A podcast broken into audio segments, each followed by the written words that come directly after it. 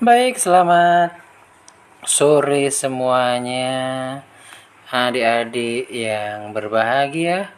Pada kesempatan kali ini kita akan membahas tentang materi pembelajaran teks eksposisi. Nah, seperti yang kalian tahu, teks eksposisi adalah teks yang kita pelajari pada jenjang pendidikan SMA yaitu pastinya pada kelas 10 pada semester 1 ya baiklah adik-adik sekalian mari kita bahas terlebih dahulu apa saja materi yang akan kita bahas. Yang pertama adalah tentang definisi Nanti yang kedua tentang ciri-cirinya. Dan selanjutnya tentang struktur serta selanjutnya lagi tentang kaidah kebahasaan dan yang terakhir yang kita bahas adalah tentang bagaimana menulis teks eksposisi. Baik, yang pertama, teks eksposisi atau pengertian teks eksposisi. Teks eksposisi adalah teks yang mengupas suatu masalah dengan disertai sejumlah argumentasi dan fakta-fakta. Ini adalah pendapat Kosasi yang dalam bukunya yang ditulis pada tahun 2019 pada halaman 243. Nah, selanjutnya yang kita bahas adalah tentang ciri teks eksposisi. Adapun teks eksposisi dalam buku Kosasi ada tiga ciri, yaitu yang pertama teks eksposisi itu bersifat argumentatif, yang artinya yang argumen yang bertujuan untuk meyakinkan kalayak tentang suatu permasalahan. Ya, kalayak yang di sini dimaksudkan adalah yaitu kepada masyarakat atau pembaca ya. Kemudian ciri selanjutnya yang kedua adalah disertai fakta-fakta. Nah, dalam teks eksposisi pastinya harus disertai fakta-fakta. Nah, tujuan fakta di sini apa? Yaitu agar lebih meyakinkan. Biasanya berupa gambar grafis seperti tabel, diagram, dan sejenisnya jadi mempermudahkan pembaca ya. Kemudian yang kecil yang ketiga yaitu adanya rekomendasi atau saran atau ajakan ya. Jadi di dalam teks eksposisi pastinya ada rekomendasi yaitu berisi penyelesaian atas masalah yang dikemukakan. Nah, untuk selanjutnya mari kita bahas tentang struktur teks eksposisi.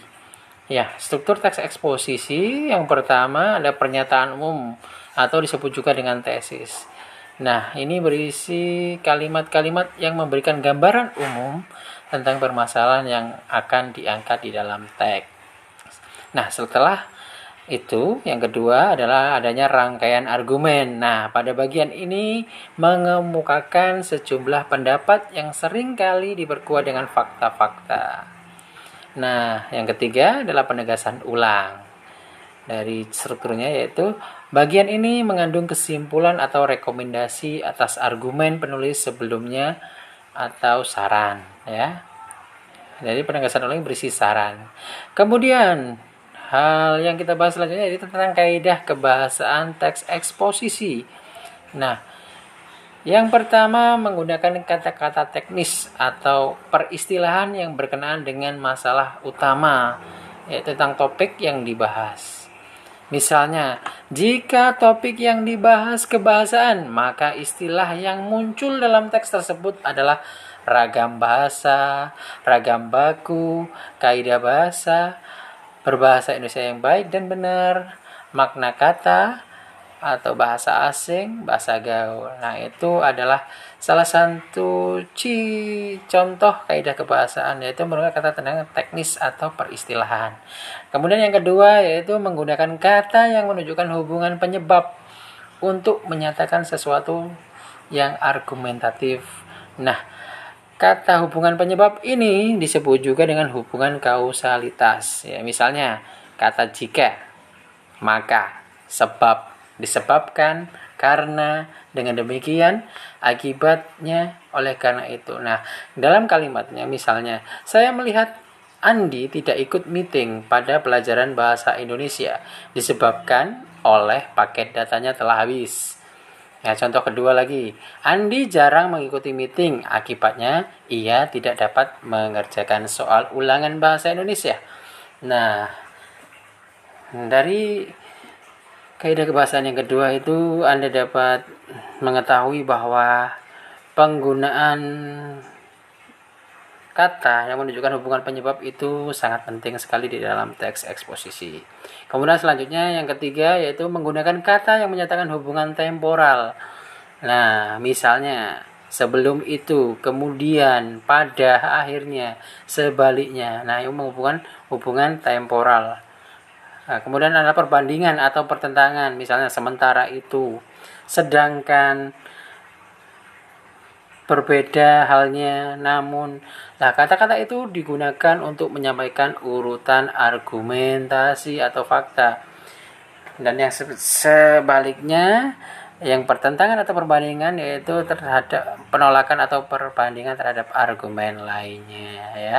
Kemudian menggunakan kata kerja mental atau mental verbal, yakni kata kerja yang menyatakan kegiatan abstrak sebagai bentuk aktivitas pikiran Kata-kata yang dimaksud misalnya memperhatikan, menggambarkan, mengetahui, memahami, berkeyakinan, berpikir, memprihatinkan, memperkirakan, mengagumi, menduga, berpendapat, berasumsi, dan menyimpulkan. Nah, kata-kata tersebut digunakan dalam pernyataan yang mengungkapkan pendapat penulis terkait dengan masalah yang dibahasnya. Contoh A. Imelda memperhatikan percakapan Yosua dan Kansa. B. Peristiwa tersebut menggambarkan bahwa ada seorang yang siswa yang meraih prestasi. Nah, C. Proses tersebut melibatkan emosi dan penalaran dan keterampilan secara serempak dalam suatu komunikasi edukatif. Nah, yang kelima, menggunakan kata perunjukan seperti menurut, berdasarkan, merujuk. Nah, contoh kalimatnya, menurut beberapa penelitian, kesantunan juga melekat dengan kepribadian suatu bangsa. Nah, yang B, dengan merujuk pada fenomena tersebut, tampaknya terdapat penurunan standar moral, agama, dan tata nilai yang berlaku dalam masyarakat. Nah, yang keenam menggunakan kata persuasif atau ajakan ya. Seperti hendaklah, hendaknya hendaknya sebaiknya diharapkan perlu harus seharusnya Contoh dalam kalimat A, para siswa harus belajar di rumah. B, harus seharusnya sebagai siswa kita mengisi kemerdekaan dengan belajar. Nah, yang ketujuh, menggunakan kata lugas, yakni kata yang bermakna pada apa adanya. Misal atau contoh dalam kata payung. Makna ya, payung ya. Payung makna lugasnya adalah alat untuk melindungi tubuh dari hujan dan panas. Sedangkan makna kias, media yang bersifat melindungi diri dari pengaruh sesuatu. Nah, misalnya dalam kalimat, Butina membawa payung untuk jaga-jaga jika pulangnya turun hujan. Nah, ini menggunakan makna lugas atau makna yang sebenarnya. Kita harus memayungi diri dengan keamanan dan ketakwaan dari pengaruh negatif budaya asing. Nah ini mana kiasnya. Jadi cukup banyak ya ada tujuh tentang kaidah kebahasaan teks eksposisi ya kemudian selanjutnya yang terakhir adalah menulis teks eksposisi nah bagaimana cara kalian bisa menulis teks eksposisi yaitu kalian bisa mengikuti langkah-langkah berikut ini. Yang pertama adalah menentukan masalah atau topik. Jadi, ketika kamu tidak mempunyai masalah atau hal yang ingin disampaikan atau dieksposisikan, kalian tidak akan bisa membuat. Ya, yang kedua, membuat kerangka karangan. Pastinya sebelum menulis sesuatu, apa pun itu, baik teks eksposisi, teks yang lainnya, kalian harus merunsun kerangka karangan. Mulai dari apa yang pertama yaitu sesuai dengan strukturnya yaitu tesis, adanya tesis, kemudian argumen dan penegasan ulang. Nah, setelah kalian menyusun kerangka karangan, mengumpulkan bahannya. Jadi bahan-bahan materinya kalian kumpulkan. Kemudian setelah dikumpulkan, kamu mengembangkan kerangka karangan yang nomor 4 ya.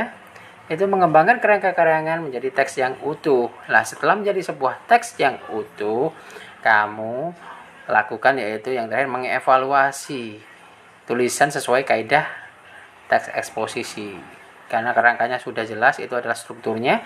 Nah sekarang kalian menganalisis kaidah kebahasaan. Misalnya iya ada ejaannya kalimatnya. Apakah sudah sesuai dengan kaidah kebahasaan? Dengan kalimat-kalimat yang tepat. Nah bagaimana menarik bukan materi kita hari ini tentang eksposisi? Pasti menarik ya. Baiklah. Untuk pembahasan belajar bersama pas cukup sekian dulu pada kesempatan kali ini untuk kesempatan selanjutnya kita akan membahas tentang materi-materi bahasa Indonesia yang lain. Saya akhiri, selamat sore dan sampai jumpa di sesi berikutnya. Saya akhiri, Assalamualaikum warahmatullahi wabarakatuh. Selamat petang.